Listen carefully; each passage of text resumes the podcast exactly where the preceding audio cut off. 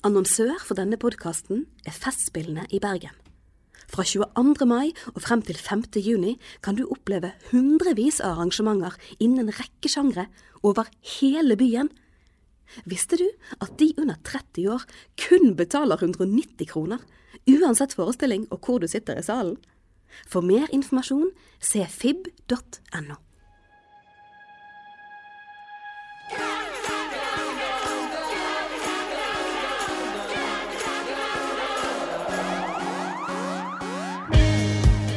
Du hører på Republikken, en podkast fra BT Kultur. Mitt navn er Kjetil Ullebø, og jeg er journalist i Magasinene. Med meg har jeg kollega Guro Bergesen. Halla igjen. Hallo! I Republikken inviterer vi de som får kulturbyen Bergen til å glitre. Og i dag har vi med oss eh, forfatter og poet eh, Fredrik Hagen. Går det fint? Ja, det går fint. Og eh, forfatter, partyfikser og en som en gang er blitt omtalt som en gåte. Eh, Henning Bergsvåg. Tusen takk. Veldig fint å være Går det fint med deg? Ja, det kunne vært bedre, men eh, det går fint. Ja. kan alltid bli Vil du, vil du utdype det, Henning? Eller? Nei, vi poeter kan ikke ha det for godt. Da, da, da, hva skal vi skrive om? Vi, eh, ja, vi må holde det litt nede. Ja, jeg skjønner. Eh, men eh, vi kan begynne med deg, eh, Fredrik. Du har akkurat sluppet din tredje diktsamling 'Han ligner en måte å sove på'. Den handler vel om et slags vennskap av noe slags slag. Kan du fortelle litt, litt om det? Hvis boka er vellykka, så handler den jo om, om veldig mye rart. Men den begynte i hvert fall der, da. Jeg vil skrive om relasjoner, synes han ofte skriver om relasjoner. Men jeg vil skrive om noe annet enn en kjærlighetsrelasjon. Mm. Og da tenkte jeg Jeg har alltid hatt mange, mange vennskap med, med andre menn, og så tenkte jeg ville gå inn i skrive om det, noe om det. For det er, så, det er så veldig mye der som er, av det som skjer, som er uartikulert. da. Hmm. Kanskje du kan lese et lite utdrag? Ja, det kan, Nå blir det live eh, kulturfremføring i kulturpodkasten Republikken. kan jeg si litt før jeg leser. Ja, selvfølgelig. Det er mange forskjellige typer tekst i boka. da. Så dette er midt i et langdikt, så det er verken en begynnelse eller en slutt på noe. men Det er bare midt i. Og så bare leser jeg. Etterpå kasta vi glassflaskene så langt vi klarte ut i fjorden. Etterpå kom vi for seint hjem og sovna i hver vår seng. På de varmeste dagene overtalte vi jentene til å bade nakne med oss. Noen av jentene kutta seg i sikksakk-mønstre på armene. Vi lo av de når de ikke var der. Vi sa alt for at noen skal dulle med de, stryke de i håret. Jeg husker vi ga pikkene og knyttnevene våre navn. Regnet i håret, hvite dråper av hårvoks. Alt som fins, fins bak øynene. Hjertet mitt henger i brystet, henger som det snart skal glippe tak og dryppe ned mot bunnen av kroppen. Jeg husker vi blei banka opp bak sparebanken. Jeg husker vi snakka om hevnen vi skulle ta seinere.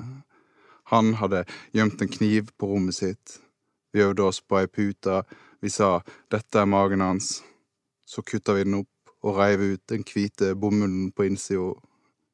Lukker du øynene, blir de akkurat like store som sjela di. Vil du klare det?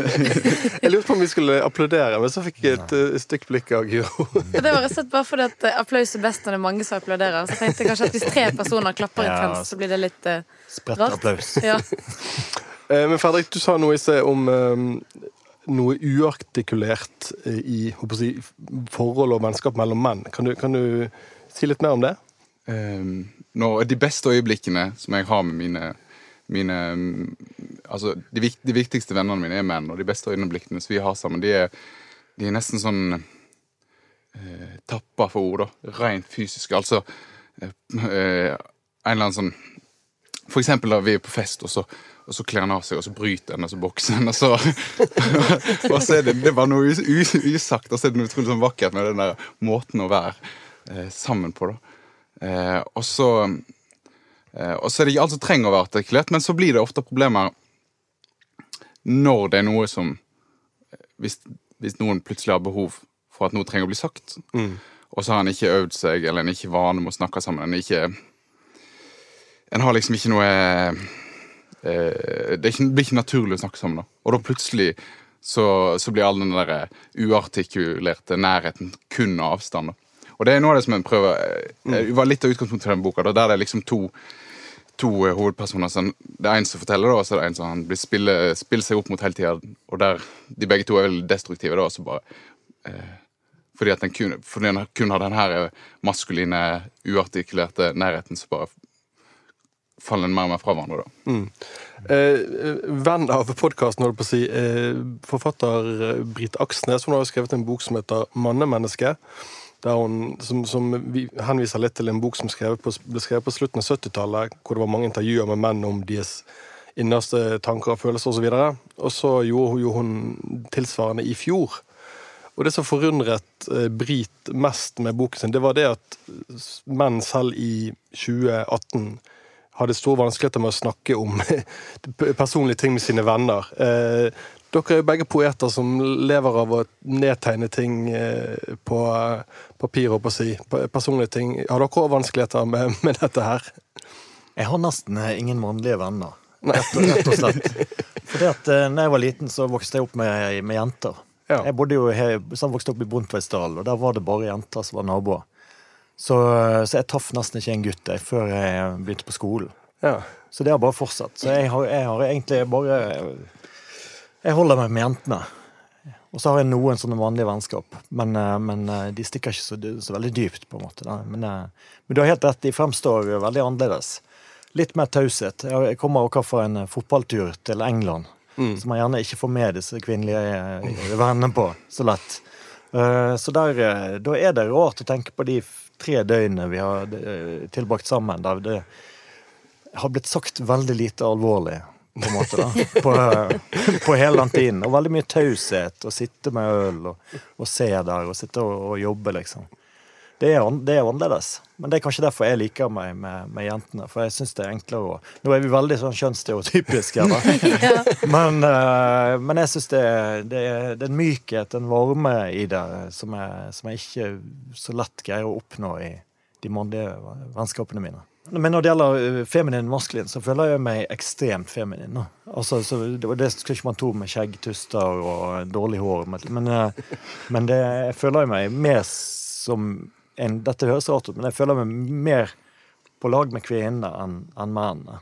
Jeg er også feminist. Jeg er på en måte, det, det er ting som opptar meg veldig. Uh, og ja. Så sånn sett, Hvis jeg spøker, spøker om det, så sier jeg at jeg, jeg er lesbisk. holdt jeg på å si. Altså at jeg er en kvinne som liker kvinner. da. Eh, men, uh, men kanskje det har med sånn her uh, Nei, vi må jo tenke mye på Eller vi må jo gå litt i dybden på følelser da, hvis vi holder på med litteratur. Det er jo sånn, vi, det er jo selvfølgelig folk som bare skriver litteratur for litteraturens skyld, men, eh, men det er jo også en utforskning av det å være eh, et menneske i verden. Til syvende og sist. Det må vi vel egentlig innrømme. Og, og da er det viktig å, å, å, gå inn i det, altså. Det, med hud og hår. I den utforskningen, får du noen ubehagelige overraskelser da? Ja, det vil jeg absolutt si. Jeg, beskriver jo for eksempel, jeg er jo ikke en voldelig person, men jeg skriver om veldig voldelige forhold, for eksempel. Så det er jo kanskje en måte å være litt i kontakt med noe som skjuler seg under der et sted, eller et raseri, eller som jeg ellers aldri egentlig kommer i kontakt med. Så det, det, det er også en, en, en, en veldig trygg måte å, å utforske sin egen seksualitet og, og relasjoner og den type ting. Da. Eh, vet dere hva? Nå skal vi straks gå videre, men først skal vi høre noen ord fra vår annonsør. The Sandman er en av storsatsingene under årets festspill i Bergen, og er blitt kalt en grusical, altså en grøssermusical. Forestillingen er laget av regissør Robert Wilson, en av vår tids største teaterkunstnere, med et fargesterkt og gjenkjennelig uttrykk. Sammen med Anna Calvis musikk og Hoffmans uhyggelige historie om sandmannen fra eventyrene og en gutt som aldri helt klarer å fri seg fra marerittene, er det en forestilling som sitter i deg lenge, i både øyne og ører. The Sandman vises i Grieghallen 1. og 2. juni. Og nå fortsetter sendingen. Henning, eh, du er jo en slags eh, partyfikser i litteraturmiljøet i Bergen. Hvordan, eh, hvordan fikk du den rollen? Det må jo ha vært kommet naturlig. Det, det, jeg er veldig glad i fester. Jeg er veldig glad, jeg er glad i å komme sammen med andre folk når det handler om litteratur. Da.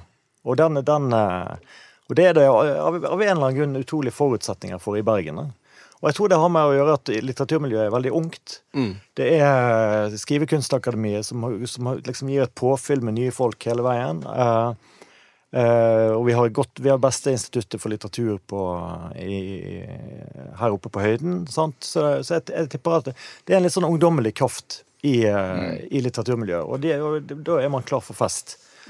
Men jeg syns det at vi, det vi, er, vi, vi virkelig er gode på i Bergen, det er også å greie å ha fest og samtidig ikke la det gå på bekostning av litteraturen. Altså at vi kan være, være enormt seriøse i, i to-tre timer først, før vi på en måte eh, danser til Beyoncé og, og Gwen Stefani natten lang. Jeg, jeg liker den, eh, den, eh, den ekstreme kontrasten mellom de Ja. Det, det er litt sånn fordypningen først, og så kommer liksom eksessene. Eh, Du Fredrik, du har sagt en gang at uh, Henning var viktig for deg når du si, kom til Bergen og i, i, ja, var utgitt forfatter og var litt på utkikk etter et miljø. Hva Er det viktig med en, en, en fyr som uh, Henning, som lager poesidigg, som lager fest for alle? håper jeg? Ja, men det, det er klart den er helt eh, nødvendig av at, at det er noen som er etablert, som lager sånne arenaer. For en kan jo ikke som eh, som en som er ung eh, og flytter til Bergen som jeg også, og har lyst til å skrive, så kan jo ikke en være den som inviterer, på en måte. Nei. Så, eh, Så veldig mye selvtillit. Så ja, men òg eh, altså, måten Henning alltid har gjort på, med, med lave skuldre, og alle er velkomne, og, og, og en kommer så tett på de forfatterne som er der, og en kan gå opp og prate med dem i pausen, eller en kan danse med dem, eller hva som helst. Danse til Beyoncé. ja, ja, ja. Du, det er mange historier fra opera som aldri vil bli fortalt, altså.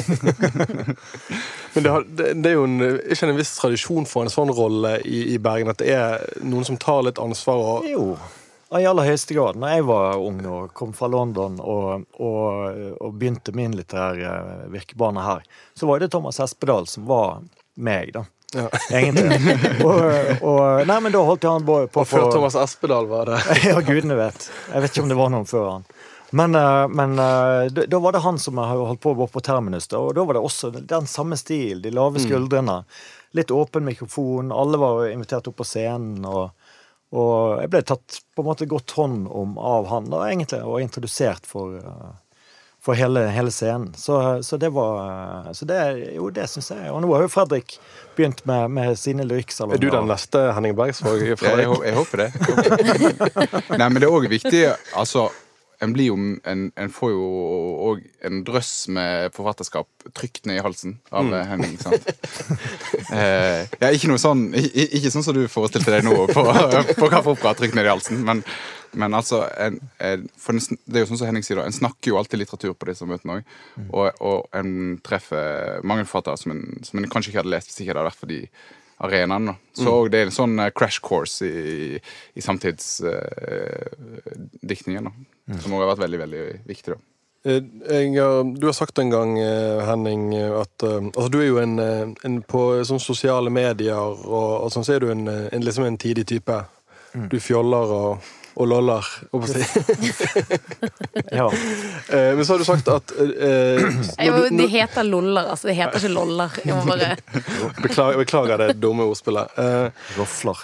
Eh, Men, men du har sagt en gang at når du skriver Når du skal skrive, så må du være dønn seriøs. At du må ha tette skott mellom liksom tidige Henning og poet-Henning. Hvorfor, hvorfor må det være sånn? Nei, det Jeg tror jeg hadde vært en rik mann hvis jeg greide også å, å kapitalisere på eh, Tulle-Henning, da. Men, eh, men eh, jeg er dessverre en veldig alvorlig poet. Altså Som poet så er det bare dønn alvorlig. Og det er det eneste som kommer ut. Og jeg, jeg har prøvd så mange ganger å skrive en, liksom en, en bok fra utemiljøet, eller skrive en roman der masse skjer. Og, Den store utelivsroman fra Bergen. tenk den, da! Oi, oi, oi. oi. der er det noen som har prøvd på før. Victoria. Med vekslehell. For en bok det kunne blitt. Men, men det blir hver gang jeg sitter meg ned, så blir det det der eh, veldig mørke eh, greiene som kommer ut. Har du prøvd å skrive å si, mer humoristisk og den store Jeg, jeg har prøvd å, å få ut et språk rundt det, men det er faktisk helt umulig. Ja. Eh, jeg, jeg er ikke interessert nok i det, rett og slett. Eh, jeg ser på det, og det er jo gøy, men, men eh, jeg føler det at litteratur skal være noe mer. Det skal være, det skal være virkelig noe som uh, eksperimenterer med formen, prøver noe Prøver å finne på noe helt nytt. da. Jeg prøver å finne på et helt nytt språk. Eh, og det, det går utover den der å fortelle en god fortelling. Mm. Du da, Fredrik, eh, må du være et alvorlig eller et spesielt sted når du skal skrive lyrikk? Det, det, jeg tror ikke det er det at en, en må være det, men en kommer inn i det, da. Fordi, at, for det virker ikke og det virker ikke å skrive vitser og tull og tøyser og Sånn. Så eh, Faren er nesten at det ikke blir alvorlig nok. Nesten. Men jeg husker jo det, jeg ble, når, jeg liksom, det jo, når jeg ble først kjent med Henning, så var jo det en enorm skuffelse. sant? For en ser jo for seg! En ser jo for seg den mystiske filosofen sant? når en har lest bøkene først. da. Men så Så var det bare fjas. Nei, men så, etter liksom skuffelsen er lagt til så blir det bare enormt fascinerende. Den kontrasten. da, At det er på en måte mulig. da. Og det er jo enda bedre enn at det var en sånn der gloomy type som, som bare var alvorlig. Altså, At alt det er på spill i, i, i samme menneske og sånn, det er jo bare mye mer For det, det er der eh, ordet gåten kommer. Gåten Bergsvåg. Ja, ja, ja. Det. Det er bedre å være en gåte enn å være en vits. Hvordan går det an? Alle lurer. Nei da. Nei, men jeg, jeg, for meg er det så alvorlig at jeg må faktisk gå inn i en, en, en tilstand. Eh, og jeg, jeg kaller den på en måte Berlin. da. For det er veldig ofte så drar jeg til Berlin, for, for jeg må rett og slett komme vekk fra byen. Byen er for gøy, det er for mye som skjer. Det merker jo alle som er her. I motsetning til Berlin, der det er veldig kjedelig.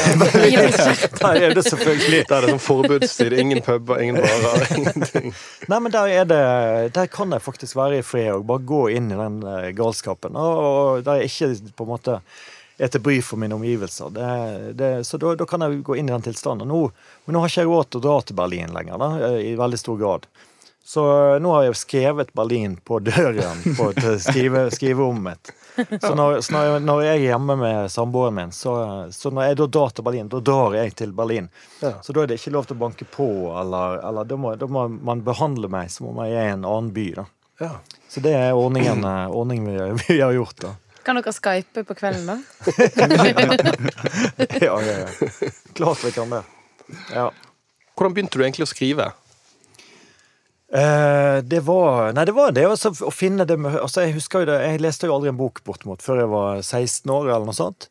Så ble vi tvunget til å lese 'Fuglene', da, sånn som alle, alle norske skolebarn ble tvunget til. Det var jo Tusten og alt det der. Og så så jeg at det var et mørke eh, der. Det var noen som snakket alvorlig, og allikevel var det noen som lyttet. Altså ønsket å lese disse tunge tingene. Og da bare plutselig sa det pang, og at her er det faktisk et annet språk. Og så begynte jeg å skrive. og Det var rundt der min far døde når jeg var rundt 16, så det skjedde samtidig.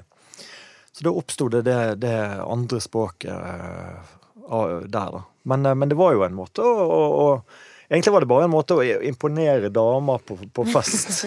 Egentlig. Det var liksom nachspiel og, og reise opp og lese dikt og, og liksom høre på Jim Morrison og alt det der. sant? Men, men så eh, Men det var på en måte Skrivekunstakademiet som var denne switchen. da. At jeg skjønte at det, at det, det er ikke det det handler Det er ikke show-off. Det er ikke det er ikke det å bare fremstå som en Det er ikke rockeliv, liksom. Det er ordentlig arbeid, og, og det er en forskning, på en måte. Du sitter og forsker i ditt eget uh, språk. Hvorfor begynte du å skrive, Fredrik? Åh, nei, eh, nei, jeg vet ikke. Det var, var var vel egentlig fordi jeg, jeg, jeg spilte i band, som, som alle ungdommer gjør. Og så, og så var de andre så jævlig dårlige til å skrive tekster. Da. Ja. så tenkte, og jeg fikk det litt til. Da. Hva het bandet? Vi har, vi har et som heter Brutal homo. Det var det beste. beste Oi. Så det er noe det knytter meg, da, for alltid. Så, eh, men, men altså, det var, var Når det er sagt, altså, det var jo den turboneger-ånden. Altså. Ja, Ja, riktig. ja. Ja. Uh, ble helt satt ut her. Ja. og, og, og jeg spilte i masse, masse forskjellige band, og så, og, og så syns jeg de andre ikke fikk til å skrive det. Men jeg syns jeg fikk til det, og så etter hvert så, så skrev jeg mer enn vi hadde eh, musikk til. Da. Og da, eh, eh, da ble det noe annet, og da ble det dikt, eller det ble kortprosa, eller det ble eh, et eller annet. Disse eh, første diktene deres, hvordan er det å lese de i dag? Det er helt jævlig. Eh, jeg var hjemme hos min mor og fant den posen der alle disse her arkene lå. Og det var faktisk helt rystende. Det, var, det, var, det er også så Det er også et språk som er så full av seg sjøl. Som jeg aldri har sett på maken. At det kommer ut fra sånn her Du har sittet og hørt på Ja, nettopp The Doors og, og sånn. Det, det, er helt ja, åndssvakt, rett og Ja, det må bare kastes. Det, må kastes. Ja, det var nettopp vært en sånn stor MySpace-død, og jeg vet ikke om dere har hørt om det. Men det er masse gamle band, band på, på MySpace er, sletta. Så nå er nesten alle spor av min, min ungdom er sletta. Så jeg syns det er litt fint. da. Så brutal homo er ikke det forsvunnet fra Jeg har ikke sjekka. Jeg, jeg kommer ikke til å sjekke heller. Men det fins da ute nå for de kan jo våre lyttere sjekke. Ja, for de som vil inn i materien, så fins det der ute, altså. Det, eh, og det er kanskje ikke det bandet jeg skrev mest tekster for, det bare så det er sagt. Så, ja. Jeg er bare litt interessert igjen. for Jeg har alltid tenkt at man må, eh, man må alliere seg med noen, sånn at de kan brenne alt man har gjort.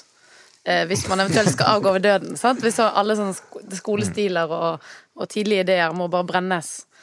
Men eh, samtidig så fjerner du da på en måte spor av denne utviklingen som har gjort deg til den poeten du er i dag, da. Hvor stiller dere Ja, men- dere i det, spørs Det- viktige spørsmålet? Brenne eller ikke brenne? Det er jo klart, når jeg, når jeg er død, så er jeg død. Så hvis liksom mine barn eller hva det skulle være, har lyst til å tjene penger på mine ungdomsskolestiler, så må de få lov til det. altså. Det er- Ja, de gikk rett i pengene. Du, hvis de vil tjene penger på det, da. Ja, altså, jeg, For meg handler det ikke om penger, men mitt forfatterskap handler jo om penger for alle andre. For forlaget mitt og for sant? Så det selg det når jeg er død. Ja, jeg, ble, jeg ble faktisk spurt i høst om å Det var et eh, sånt arrangementkonsept i Oslo med, med liksom, der forfattere leste tidlig. Altså sånn ting de skrev som barn og sånn. Men det, det er helt uaktuelt. Det, det, det var å si nei til, selv om det var penger i det. da. For det, det, det, det er rett og slett eh, det, det er ingen sjel i det. Så Nei, nei, nei. så Det har jo ingen verdi. Nei, det har virkelig ingen verdi. Dere er litt strenge mot dere sjøl. Ja, det er jo bare å lure de som de som er liksom interessert i ditt forfatterskap, hvis du gir ut ungdomsskolestilen din. Eller. Det, er jo egentlig, det er jo egentlig dårlig gjort mot leserne. Så jeg, jeg kommer aldri til å gjøre noe sånt, men Det, det er generelt eh, skummelt eh, Kan være skummelt for 16-17-åringer å høre for mye på Jim Morrison og The Doors. Eh, Nå skal vi over til noe helt annet. Og Henning, nå skal vi høre litt fra et dikt du skrev i 2011. Jeg lar gjerne takle på ræv av et nederlandsk råskinn. Bare for å styrte en flaske Bacardi med Rudolf Austin. Jeg legger meg gjerne i kisten med Arve Oppsal, bare for å henge på vodka-nachspiel i Odda med Håkon Oppdal. Jeg setter gjerne et skudd dårlig crack i armen, bare for å drikke Guinnesser sammen med Kristoffer Barmen. Eh, Der hørte vi litt fra Ellevilt branndikt. En eh, veldig god tittel. Eh, Det inneholder jo annet tekstlinjen eh, Jeg legger meg gjerne i kisten med Arve Oppsal, bare for å henge på vodkanachspiel i Odda med Håkon Oppdal. Eh, Du, eh, Fredrik, som odding og Brann-supporter, hva, hva vil du si om poetiske lille disse poetiske linjene? Jeg vil ikke uttale meg negativt om mine kollegaer. Nei, men det er klart det er artig. Men det er ikke noe ja. Nei, det- det det, ingen- det, det, det, holder, det er jo liksom det, det, det er bare Dette, dette er ikke betegnende for min poesi. Jeg vil bare til alle lytterne av denne her kulturpodkasten. Dette er ikke det. Men, men det er veldig gøy å lage tull. da. Og dette diktet fikk jo meg faktisk til Ullevål mot uh, Ålesund. Ja. Så jeg ble jo fraktet over for å lese diktet. For dette ble skrevet før uh, cupfinalen i 2011. Ja, Den grusomme. Ja, for jeg må jo innrømme at jeg har hatt litt, eh, hatt litt skjulte motiver for å invitere eh, dere to her. Det er, jo, det er jo seriestart i disse tider, eh, og dere to er jo eh, to store Brann-supportere begge to. Eh, I likhet med andre her i rommet. Altså, Jeg må bare si, Kjetil, siden vi begynte Faste lyttere av denne kulturpåkasten vil sikkert ha fått med seg at det er, bare to, det er egentlig bare to ting Kjetil vil snakke om her i verden. Det ene er brann, og det andre er eh, sånn Oslo-Bergen-problematikk, der Oslo alltid kommer dårligst ut. Nå syns du setter meg litt i bås, men eh, Jeg vil jo anta at grunnen til at han har invitert oss, til at vi skal skryte av de sangene han har laget for, for Brann-fansen. Vi må aldri glemme at Ullebø er faktisk forfatter av 'Gullet skal hjem'. Det, Eh, det er sant. og, og, og, det, og jeg antar at Nå du vil jeg det ble litt for mye fokus på meg her i podkasten. Men det, det var jo hyggelig, det. Men det er jo eh, Du har jo skrevet flere eh, branndikt, eh, Henning. Hva, hvor ligger liksom poesi? Hva er det poetiske ved Brann? Det er nesten ingenting. Det er ingen det, det, dette er, La det være sagt at det er dårlig.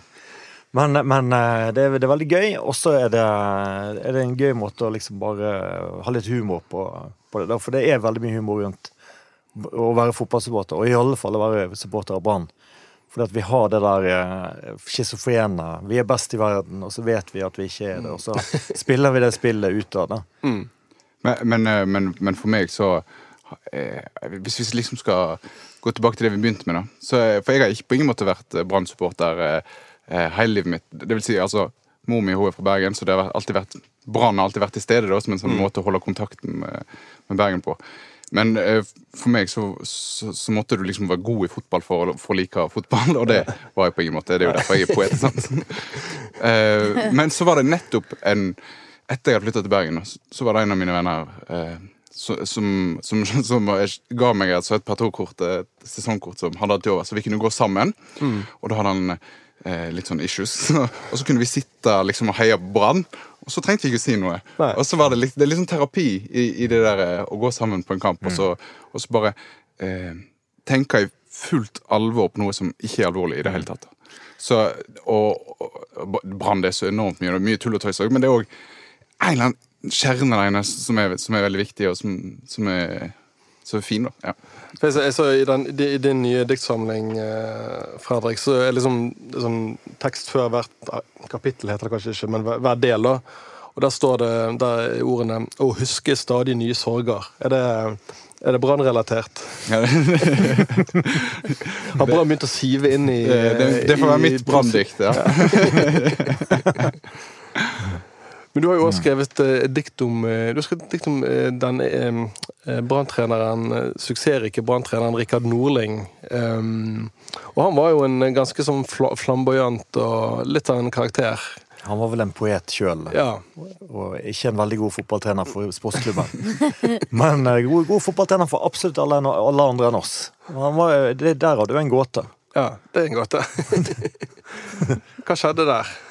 Nei, det, var, det er jo bare det at han kom med sitt blomstrende språk. Det er jo ikke, altså Fotballfolk er jo dumme generelt. Sant? Og, så, og han, han kunne på en måte finne på de mest utrolige eh, linjer. Det, det var noen eksempler der som var helt latterlig gode. da. Han sam sammenlignet brannspillerne med fugler og balleriner Og... Ja, ja, ja. Det var veldig mye sånn at han eh, Du har sikkert noen linjer på lager, men det, men det, var, det var døye ting.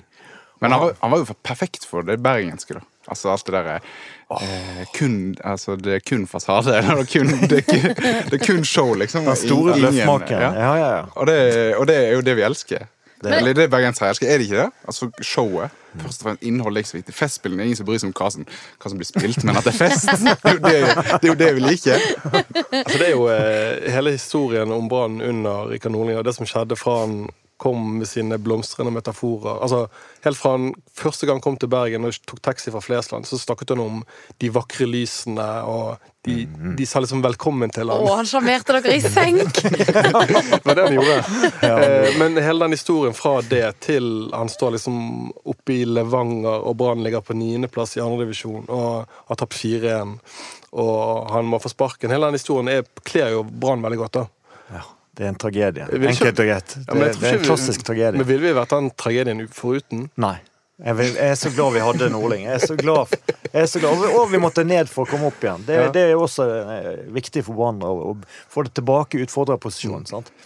Men, eh, men han, var, han var den store taskenspilleren. det er så bra at det er nesten sånn Er det sånn wrestling? Altså, er, er hele tippeligaen bare Er det skripta? Jeg lurer litt på det. For det, det, er, det er for godt, altså. Men dere, eh, altså, det, det her fotballgreiene interesserer ikke meg eh, overhodet. Så hvis du skal prøve da, Henning, å, å liksom eh, se innover og analysere, hva er det ved, hva er det ved litt sånn halvdårlige lag som jeg appellerer til deg? Halvdårlig. Ja, da, da Henning kommer i dag, da så hadde han på seg et skjerf som jeg, så jeg komplimenterte ham for. Så det var kult at han tok på seg Brann-skjerf. Men det var jo da Det var, Sunderland. det var Sunderland. Jeg kommer rett Ja. fra cupfinale i den største Mickey Mouse-turneringen i verden. som heter Checkatrade Trophy. Så ingen, ingen har hørt om det uansett. Men det var 86 000 på Wembley, la det være sagt.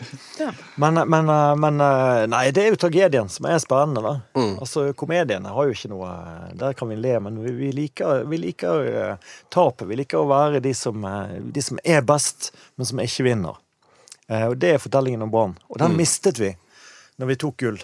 Og det, det har skadet eh, mye. Og uh, til, iallfall tilskuertilstrømningen. Vi mistet vår fortelling. Vi mistet vår, vår, vår, vår, vår, vårt narrativ rundt hvem vi er. Og så nå er vi bare på, på en måte en sånn eh, ja, litt sånn rik, eh, full av oss sjøl. Tjukk og feit og full og seriegull, var ikke det sangen? Den store gullsangen.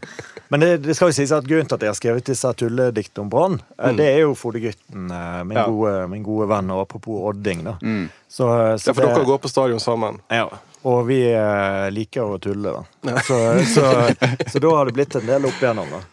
Men det er jo den, der- den, den eh, miksen, eh, altså Fode sin måte å bruke humor på, eh, og den, den, den, den lettheten som er rundt han, der har du også en sånn, sånn som skriver veldig egentlig alvorlige ting. Også, men han har også den der at han kan kle seg ut som dame, eller, eller Altså, ja. Så, han, så jeg tror litt av den der, hvis vi skal inn i gåten, så er, er det kanskje Fode som er inspirasjonen for, for denne dobbeltheten. Ja. For det, det, er lov, det er lov i Bergen. Det er ikke lov i Oslo. Det er ikke lov i Oslo. Det er Hva er det som ikke er lov i Oslo? å være begge deler. Da skal du faktisk eh, Det er mye mer eh, Der skal du være, være det du er. Altså, du skal være seriøs og, og, og der. Det er kanskje den eneste som har greid det, er Dag Solstad. Med å være en, en fjols. Han har jo ikke meint det. Nei, det kan, det kan du si. Vi, du, vi var jo litt inne på dikt om Rikard Norling her. Men eh, kan man skrive dikt eller skrive poesi om Lars Arne Nilsen? Den nøysomme strilen som tross alt har reddet sportsklubben Brann? Det spørs om det hadde blitt dikt. Var ikke det altså, Ja, det er ganske tørr prosa. Altså. Han kler jo ikke Brann i det hele tatt. Altså, Nei, nei, nei. nei. Nei, det, det er ikke noe annet. Nordling er som et sånn storslått mislykket dikt, mens eh, Nilsen er sånn velfungerende, men kanskje litt forutsigbar prosa. Ja. Ja, han er en bruksanvisning, han altså. Det, det virker. Det er alt. Det er alt. Ok, nå, eh, nå tror Guro er litt lei denne brannpraten. Um, vi har jo med oss to forfattere som eh, liker å feste og vet hva det går i på byen. Eh, har dere eh, noen For noen skussmål! Kommer veldig godt ut av dette. Har dere eh, noen tips til hva våre kjære lyttere kan finne på? Eh, vi kan kanskje begynne med deg, Fredrik. Ja, du, du, du sa bare med oss tips Du ville ha et sånt bergenstips, da. Og, og det, det som er mest bergensk av alt, er jo det, egentlig det som er borgerlig. Sant? Fordi at det, rundt Bergen så er det kun bønder og arbeidere. Så, så, så bergenserne pryder seg med sitt borgerskap. Og da eh, tenkte jeg jeg skulle tipse om eh, eh, en utstilling på Kode på Kunstmuseet av en eh, amerikansk eh, eh, kunstner som heter Helen Frankenthaler, som står til 21. april eller noe sånt. Og det er sånne trykkverk. Utrolig fine, altså. Så hver bergenser, ta på deg skjorta, og så og Vær borgerlig. Vær borgerlig. Gå der, og så, og så mein noe om det som, som henger veggene. Det er virkelig virkelig fine verker. da. Jeg, jeg Utrolig den. fine verker. Jeg var oppe ja, og kikket på det, og det var helt ubeskrivelig bra. ja. det var veldig, veldig, veldig fint. Godt tips. Du da, Henning. Har du tips til våre lyttere? Jeg tenkte på denne her, eh, den skjulte diamanten i Bergen, som er rett og slett Klubb Kavaler. Som er et konsept ja. med rett og slett swingmusikk live. Altså, En klassisk storband. eh, Storband eh, på, på scenen. Du ble fraktet tilbake til 30-tallet, eh, oppe i Fensal. Eh, Og det er vel Eirik Lambek Bø, Kings of Convenience-mannen, som, som har dette som, mm. som sin idé. da. Og det å komme opp der og bare eh, Da kan man eh, kle seg opp litt eh, sant? i en dress, og så svinger du rundt. da. Eller gjør så, sånn som meg, jeg bare sitter i en krok og, og hører. da, For jeg bare nyter, eh, nyter den lyden av, eh, av eh, gammel, gammel musikk. Det er helt fantastisk. Tidsreise. Og så må du selvfølgelig komme og høre på Fredrik. Han skal jo lese på poesidigg, da. Men det, det var det vi ikke hadde lov til å si. Men, eh, Men, men, men, det, men, men, det er jo en collection. Det er jo en, det er jo en men det er 12. april uansett, om det er lov å si. ja, ja, så- ja, det er lov å, det er lov å prøve seg. Ja. Men da eh, begynner vi å bli ferdige her. Eh, tusen takk til Henning Bergsvåg og Fredrik Hagen. Og takk til deg, Guro. Tusen takk At det gikk jo fint. Eh, ja, jeg heter Kjetil Ullebø. Eh, Med meg har jeg altså Guro Bergesen. Produsent for denne podkasten er Henrik Svanevik. Du finner flere episoder av Republikken i BTs nye lydapp BT Lytt eller i iTunes. Og Spotify eller der du hører podkaster. Vi skal som vanlig avslutte Republikken med litt musikk. Eh, Denne uken var det jo eh, 150 år siden et av Edvard Griegs mest kjente stykker ble spilt for første gang. Altså klaverkonserten i A-moll, bedre kjent bare som A-moll-konserten. Du vet den her.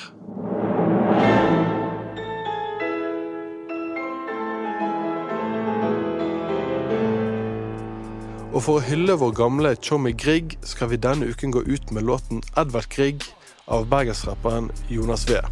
Ha det bra! Kom han hardt Som et luftattentat.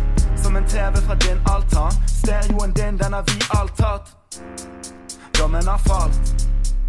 Evig fet? Jeg har vært her i en evighet Men har fortsatt dubber i mitt fjes Innviklet stil Falske smil i trynet mitt Alle i byen og moren deres vil ha en bit Snakker med folk om medisin.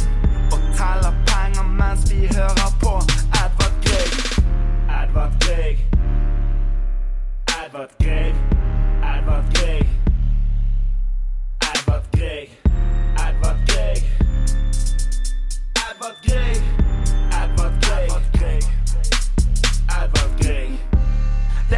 Så galt at det ikke er godt. Min blokk er større enn ditt slott, min blokk er større enn ditt slott. Din identitet har ikke noe rot i din virkelighet. Hvordan kan du være fet? Det er NMG, min gjeng er større enn din leilighet. Dette er større enn deg og meg på det høyeste huset i byen. Dette er noe for haterne, dette er litt av et syn. Jeg snakker med folk om meskalin og vasken opping mens jeg hører på Edvard Grieg. Edvard Grieg. Edvard Grieg. Edvard Grieg. Edvard Grieg. Edvard Grieg. Edvard Grieg. Annonsør for denne podkasten er Festspillene i Bergen. Fra 22. mai og frem til 5. juni kan du oppleve hundrevis av arrangementer innen en rekke sjangre over hele byen. Visste du at de under 30 år kun betaler 190 kroner, uansett forestilling og hvor du sitter i salen? For mer informasjon se fib.no.